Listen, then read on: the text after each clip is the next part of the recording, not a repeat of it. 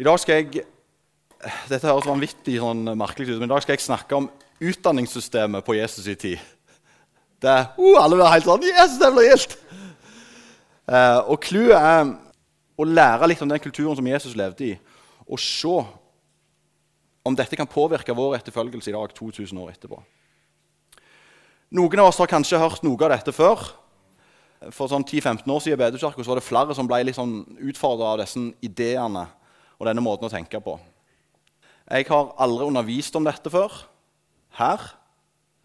Jeg underviste i ei huskirke i GN, så de sitter her rett før sommeren. Er på et seminar i Bergen i juni. Så jeg har ikke gjort dette før, men Noen kan ha hørt noe av dette. Men dere takler Dette er så bra stoff, syns jeg, at det fortjener å liksom bli satt inn i tankene våre igjen. Det handler om å følge en person, Jesus. Dette vet vi. Jesus han var en rabbi i Israel for 2000 år siden. Og hva vil det si? Det er det vi skal se på. Hva vil det si å følge en rabbi? Så det Vi skal begynne med, vi skal lese sammen fra Lukas 2, en ganske kjent liten fortelling. Lukas 2, vers 41-47. Hvert år pleide Jesus, Jesu foreldre å dra til Jerusalem for å feire påske. Da han var blitt tolv år, drog de som vanlig opp til høytida. Men da høytidsdagene var over og de skulle hjem, ble gutten Jesus igjen i Jerusalem uten at foreldrene visste om det. De trodde han var med i reisefølget og gikk ei dagsreis før de begynte å lete etter han blant slektninger og venner. Da de ikke fant han, vendte de tilbake til Jerusalem for å lete etter han der. Først etter tre dager fant de han i tempelet. Der satt han blant lærerne, lytta til dem og stilte spørsmål. Alle som hørte han, undra seg over hvor forstandige han var, tolv år, og hvor godt han svarte. Kjent historie. Det jeg vil vi skal gjøre nå, er at vi bare på sånn par minutter Hva treffer oss i denne teksten her? Hva berører oss her? Og ikke, nå skal vi ikke gå inn på alle mulige sånne greier om at foreldrene lette ikke etter han etter en hel dag. Det er interessant nok, det. Men litt mer sånn, hva er det som konkret skjer her, som er litt fascinerende? Hva er det som er interessant? Litt sånn objektive tilnærming til teksten. Klarer vi det? Tre minutter, klarer vi det? To-tre stykker sammen. Hva treffer dere i denne teksten? her? Lukas 2, 41-47.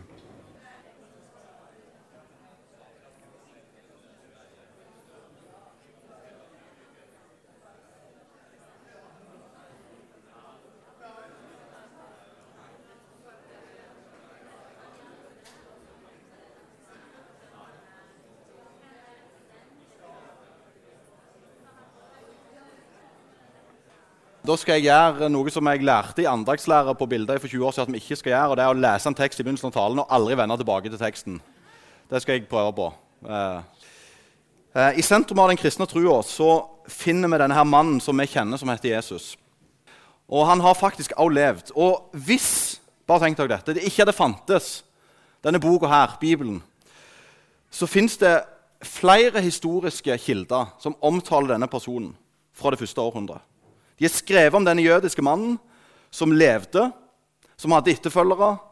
De har skrevet om han døde, og at ifølge hans etterfølgere så sto han opp igjen. Eller kom tilbake til livet igjen. Mens denne bevegelsen vokste, så, så ble denne jødiske mannen her mer og mer omtalt som Gud. Helt og fullt guddommelige og helt og fullt menneskelige.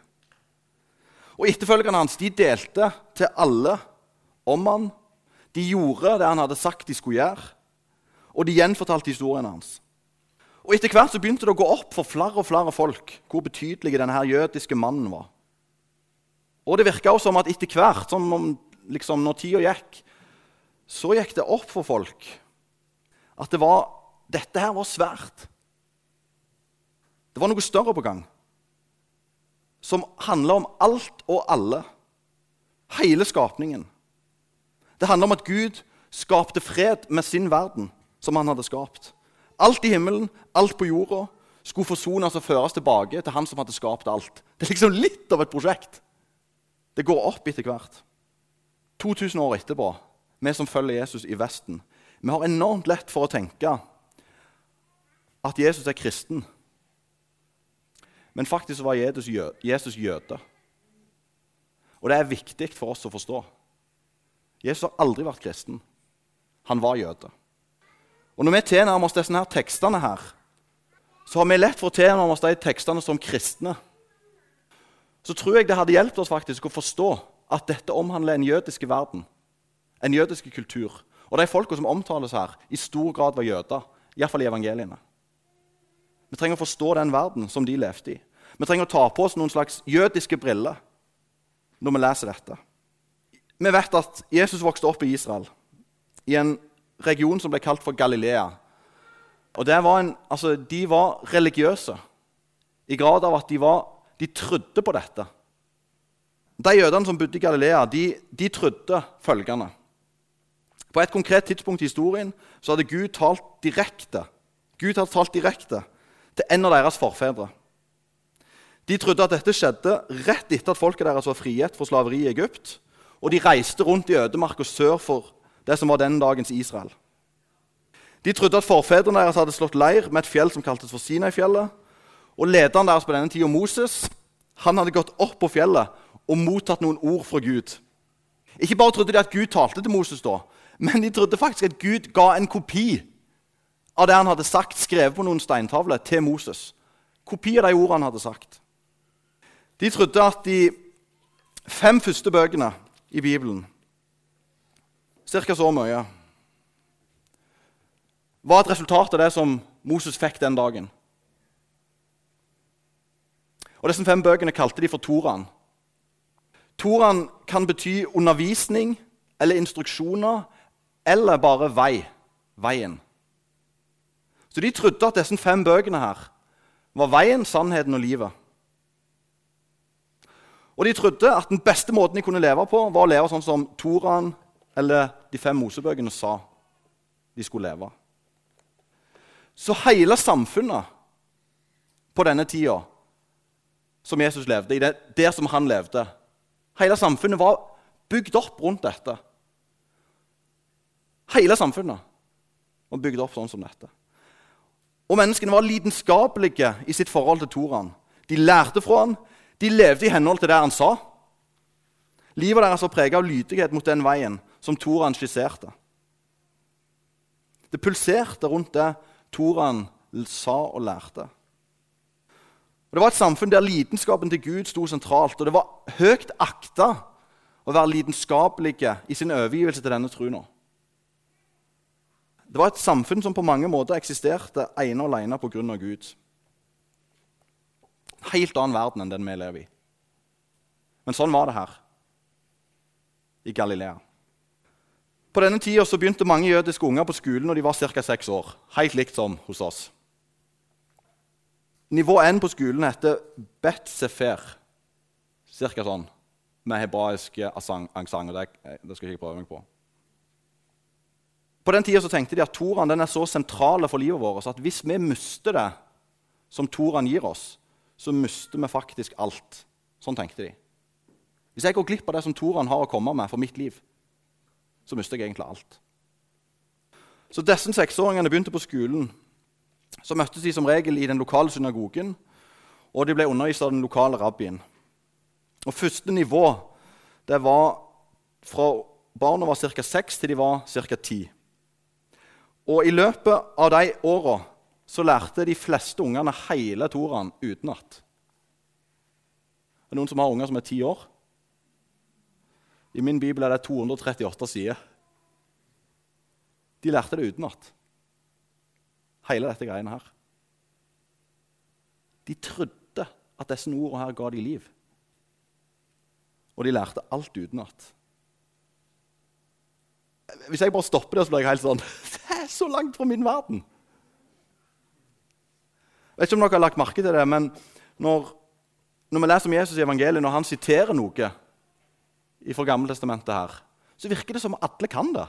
Han kan bare liksom si en liten setning, og så virker det som at de forstår hele sammenhengen den setningen står i. Og det er jo fordi de, de kunne det jo. Når han sa en setning fra 3. Mosebok, kapittel 4, vers 25, så, det, så visste de det var der det var. For de hadde latt disse tekstene bli en del av seg sjøl allerede fra de var seks år. Så sinnet var prega av disse tekstene. Samtidig med det så var det sånn at En hadde ikke egen kopi av tekstene. Det var ikke trykkeri på denne tida. Eh, og Som regel var det sånn at en landsby spleisa på, på et eksemplar. Og kjøpte det sammen og hadde det liggende i, i synagogen. Og det ble lest opp fra det eh, på sabbaten. Sånn at Hvis vi skulle lære disse tekstene, som de jo tenkte var så vanvittig viktige, så måtte de memorisere dem. Når de jødiske ungene var blitt ti år, så ville en begynne å se etter hvem som naturlig viste ekstra egenskaper i møte med tekstene og skriftene. Og de ungene som, som skilte seg litt ut, de gikk videre til neste nivå av utdannelsen, som varte til de var omkring 14. Så fire-fem nye år. De som ikke fikk fortsette utdannelsen, de gikk tilbake til familien sitt levebrød og fikk opplæring i det. Så enten familien lagde sandaler eller drev en vingård eller handel, så ville en bli lærling hos dem. Og enten overta familiebedriften eller starte for seg sjøl. Det var normalen. Men hvis du fikk fortsette etter at du var blitt ti, så brukte du de neste fire åra på å lære Hva tror dere? Resten. Det er så mye. Det er da altså 1084 sider i min bibel. Det er noen som har unger som er 14 år. Og da lærer vi bare. De, de kan jo ei side, kanskje. Eh, dette trinnet heter Bet Talmud. Fra de var 10 til de var 14. I tillegg, hør nå I tillegg så brukte en masse tid på å øve seg på å stille spørsmål. 39 bøker var memorert. I tillegg så lærte han seg å stille spørsmål. Hva betyr disse tekstene? På Jesus' tid så hadde en allerede 1000 år med historikk der disse tekstene har blitt diskutert. Det lærte de òg. En kjempet med tekstene. Lærte seg å kjempe med tekstene. En lærte hva ulike folk hadde sagt at det ville si å leve i henhold til det disse tekstene sa. Det var altså et bibliotek om du vil, av muntlige tradisjoner. Så den hadde altså et avsnitt eller et sitat. Det lærte han, memorisert. Og så lærte han hva en hel haug med tidligere rabbier hadde sagt om disse avsnittene. For det var ulikt, kanskje. Du lærte altså tekstene og hva andre hadde sagt om dem. Når rabbien stilte et spørsmål, eller når studentene stilte et spørsmål til rabbien, så svarte veldig veldig sjelden rabbien med et svar. Han svarte med et spørsmål. Jesus stiller vanvittig mange spørsmål i evangeliene. Rabbien var ikke interessert i at studentene skulle bare gjenta informasjon for informasjonen sin egen del. Rabbien ville vite om studentene fatta det, greip det. Rabbien ville vite om studentene hadde kjempa med denne teksten. Om de hadde grepet det, om du vil. For oss i den vestlige verden i dag så er dette litt vanskelig å forstå. For hele vår generelle tanke om utdannelse handler om å kunne gjengi informasjon. I dag er det sånn De som har best karakterer på skolen, det er de som har gjengitt rett informasjon på et bestemt tidspunkt. Rabbien var ikke interessert i det. Ville forstå, en ville vite om han hadde skjønt det. Så når de da var 14-15 år, så var det kun de beste av de beste som kunne fortsette. De fleste var nå vendt tilbake til familiebedriften og lærte håndverket for sine foreldre. Men de som fortsatt var igjen som studenter, de ville nå søke til en velkjent rabbi om å bli hans disippel. Det heter en talmidim. Så de søkte det. Så når en kom til den alderen, her, så kunne hvem som helst søke hos en rabbi, hvem som helst, om å bli hans etterfølger, hans talmedim. Og Vi har litt lent for å tenke litt sånn at disippel det er litt som en student. Men dette er på et helt annet nivå. Hvis disse første åra, nivå 1 og nivå 2, er å være en student, så kommer en altså nå til et nivå der studenten velger seg en rabbi som en vil bli like. Og så overgir en absolutt alt i sitt eget liv for å bli sånn som den rabbien. Det er det, det er jo noe annet enn å være student. Det krever litt mer. Så Grunntanken til en talmidim, altså en etterfølger, er at den talmedimen vil av hele sitt hjerte bli som rabbien sin. Og han er villig til å ofre hva som helst for å bli sånn. På samme måten som det er ulike retninger og greiner innenfor den kristne tro i dag, fantes det ulike retninger, ideologier om du vil, på denne tida òg. Og Det ble kalt for et åk. Jeg tror Jesus har sagt 'mitt åk er lett å bære'. Så en rabbi bar et åk. Og Det åket der var et uttrykk for retningen eller greina han hørte til. Så når denne 14-15-åringen søkte en rabbi om å kunne bli hans talmedin, ville selvsagt rabbien vite en del ting om denne talmedimen eller denne studenten. Han vil f.eks. vite kan denne studenten gjøre de tingene jeg gjør. Kan denne kiden her, fjortisen, kan han spre mitt åk? Kan han bære det? Kan han bli som meg? Har han det som trengs? Så rabbien ville sjekke dette ut. Så vi ville vel kalt dette her sånn skikkelig grilling. Men de som søkte til en rabbi, de ville bli grilla av rabbien. Det er jo ganske bad hvis han investerer i noen som det, det bare ikke funker med. Så det er lurt å sjekke ut. De ble skikkelig grilla. En fikk spørsmål om tolkninger og retninger, om ord, begrep, sitat, avsnitt og bøker fra Toraen og resten av Det gamle testamentet.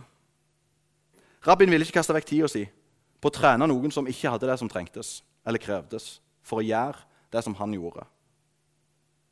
Hvis rabbien ikke ville ha denne fjortisen som sin talmedim, så vil han si det er fint, at det beste er nok å gå tilbake til familien sin og lære seg yrket av sine foreldre. Derimot, hvis denne her studenten som søkte, hadde det som trengtes, så ville rabbien si, 'Kom, følg meg.' Da ville denne studenten flytte ut hjemmefra. Nå var han på et nivå som heter Bet Midrash. En flytta hjemmefra, en forlot familien sin, vennene sine og overga sitt liv til å lære og gjøre det rabbien gjorde. En ville følge rabbien overalt fra da av. Og en ville lære å anvende de muntlige og skriftlige tingene som en hadde lært, i det virkelige livet, i konkrete situasjoner. Det ble sagt at disse talmediene de oppga sitt eget liv for å bli som sin rabbi. Det krevde altså noe helt annet å bli en talmedim enn å være en student på nivå 1 og 2. Det fortelles fra denne tida at når rabbien var ute og gikk i ødemarka i Israel, så fulgte disiplene så nær de kunne. For når han gikk i ødemarka, så sparka han opp støv. Og Tradisjonen sa at hvis du ble dekt av støvet til rabbien, så var du velsigna. Det er sånn som Når jeg er ute og går med Tobias, så går han alltid liksom rett bak meg. Jeg holder på å klikke Sånn var det hele veien. For de ville bli sånn som denne her, rabbien sin. Og de ville ha støvet hans over sine liv. En disippel ble ofte en rabbi sjøl når han var omkring 30 år. Så 15 år tok det. Da begynte disse rabbiene å lære å undervise det åket de sjøl hadde lært. Og de begynte å ha egne disipler. Så når Jesus var omkring 30 år, tror jeg Bibelen sier, så finner man gående langs Galileasjøen i Matteus 4. Her møter han Simon Peter og broren hans Andreas. Og Vi leser i Matteus 4 at de kasta ut fiskegarnet fordi de var fiskere. Hvorfor var de fiskere? De hadde ikke nådd opp i prosessen. Om de hadde fullført nivå 1 eller 2, det vet vi ikke. Men de var iallfall ikke bra nok. De var ikke gode nok. De leverte ikke det som krevdes. De strakk ikke til. Så de hadde gått tilbake for å lære yrket til sine foreldre. Og så En dag så hører de en rabbi si, 'Kom, følg meg'. Jesus kaller de som ikke er gode nok, de som ikke er levert, de som ikke strekker til så står det i vers 20 Straks lot de garnet ligge og fulgte han.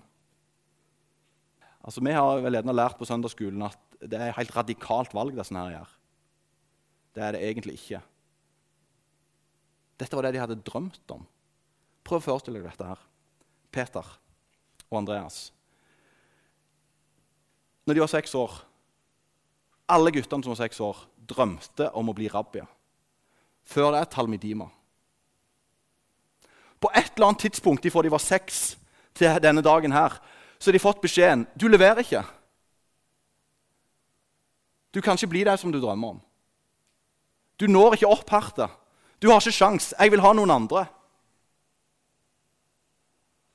Og så er de ute og fisker. Og så kommer der en rabbi og så sier han, 'Kom, følg meg.' Jeg ser for meg at de slapp garnet, bang, og sprang.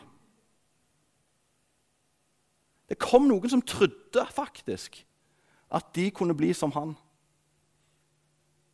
Jesus tok noen gutter som ikke nådde opp. Noen som ikke leverte. Og så starta han å forvandle verden. Det er helt sprøtt. En gang var Jesus sine disipler ute i båten, og Jesus kom gående forbi dem på vannet. Og den søndagsskolefortellingen en søndagsskolefortelling igjen fra Matteus 22. Jeg oss prøve å se litt på den fortellingen med litt sånn nye briller, hva vi nå har lært om rabbien og talmedimen. Når du har en disippel som har forplikta seg, eller en talmedim som har bestemt seg for å følge en rabbi, så har en i det bestemt seg for å bli som den rabbien. Det er det en ønsker, det er det en drømmer om, det er det en vil. Så hvis du da er en talmedim og ser rabbien din gå på vannet, hva er det du vil da?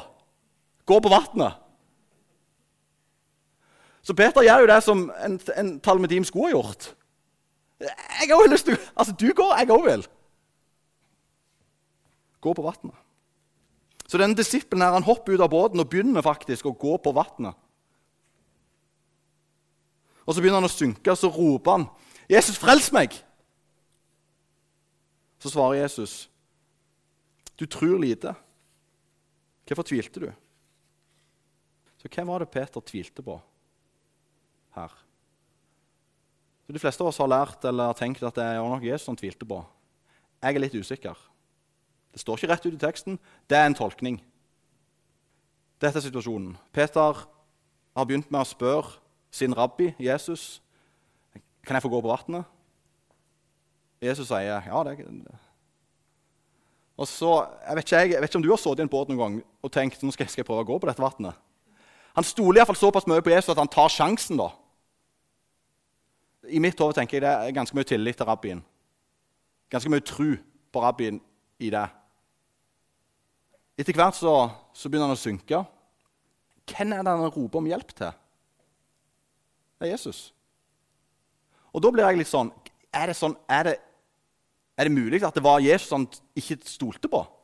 Men det var han han ropte, til hjelp, ropte om å få hjelp ifra, og det var på hans ord han gikk ut. Jeg tenker at Sjansen er liten for at det var Jesus han ikke stolte på. I så fall er det veldig merkelig. Jeg lurer på om han ikke stolte på seg sjøl. Jeg lurer på om, han, om at han tenkte jeg kan ikke bli sånn som rabbien min. Jeg lurer på det. Nei, teksten sier det ikke, men jeg lurer på det. Jeg lurer på om Jesus tenkte igjen, Peter! Så tror du ikke på deg sjøl. Hvorfor tror du så lite? For bakgrunnen her er at Jesus, rabbien, har valgt Peter fordi han tror at han kan bli som rabbien. Så all, Hele historien gjennom evangeliene så har Jesus en tilnærming til disiplene. Jeg tror at disse her kan bli sånn som meg. De går jo på trynet en haug med ganger. Men hele konseptet er at rabbien tror at talmidimen kan bli lik seg. Så hvis rabbien kaller deg til hver sin talmedim, så tror han faktisk at du kan bli lik han. På slutten av sin tid sammen med disiplene så sa Jesus noe utrolig viktig i Johannes 15, vers 16. Dere har ikke utvalgt meg, jeg har valgt dere. Så er ikke jeg, kjære bedehuskirke, det jeg vil dere skal høre. Jeg har valgt deg. Hva betyr det? Det betyr at han tror på deg. Hele det rabbinske systemet er bygd på dette prinsippet er at rabbien har valgt ut de han tror kan bli lik han. En rabbi ville aldri valgt en disippel som han ikke trodde kunne bli som han. Aldri. Dette er noe vi vet. Er du utvalgt til å være en disippel? Hvis ja, så er det fordi Jesus tror at du kan bli som han. Det er flere ganger i Nytestamentet at vi kan merke at Jesus er frustrert over disiplene. Og vi kan lett tenke det er fordi de mislykkes i den situasjonen. Jeg tror ikke det. Jeg tror han er frustrert fordi han tenker igjen så vet ikke disse disiplene at jeg tror de kan bli som meg. Eller sagt på en annen måte de vet ikke at de har fått ny identitet. Og så mislykkes de. Jeg tror Gud har ufattelig stor, stor tro på menneskene. På menneskeheten, om du vil. Gud tror at mennesker kan gjøre store ting. Det er derfor du ble utvalgt.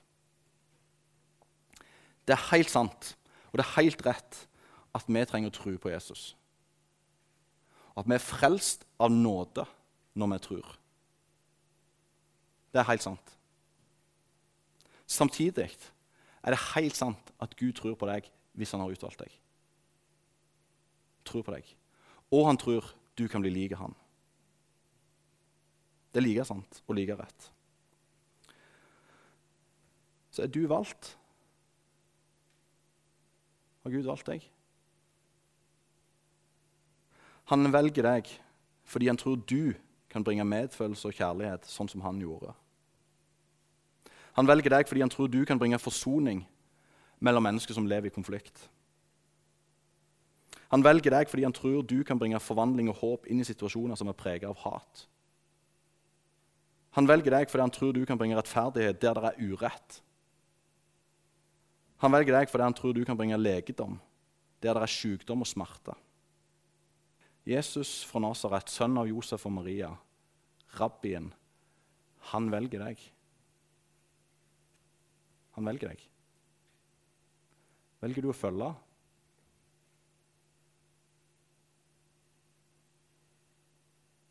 Håper du velger å følge.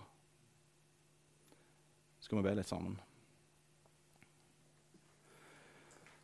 Jesus, tusen takk for at du, er, du kom inn i vår verden. Så levde du helt perfekt. Og så trenger ikke vi det. Tusen takk for det. Så takker jeg deg for at du, du kom i møte med oss. Og så sier du, 'Kom, følg meg'. Jeg har lyst til å be om, til å be om en sånn skikkelig ting. Jeg ber om at vi skal høre det. At du sier det konkret til våre liv. Kom, følg meg. Hjelp oss å høre det. Og så hjelp oss å tro det. Takk for at du har valgt, utvalgt oss til å bli sånn som du. Tusen takk. Og så Hjelp oss frimodig til å omfavne det og våge å gå inn i det. Ta risiko. Om vi går på trynet, so what? Du tror på oss. Hjelp oss å oppmuntre hverandre, minne hverandre på at Gud har troen på oss. Hjelp oss å leve derfra. Tusen takk, Gud. Amen.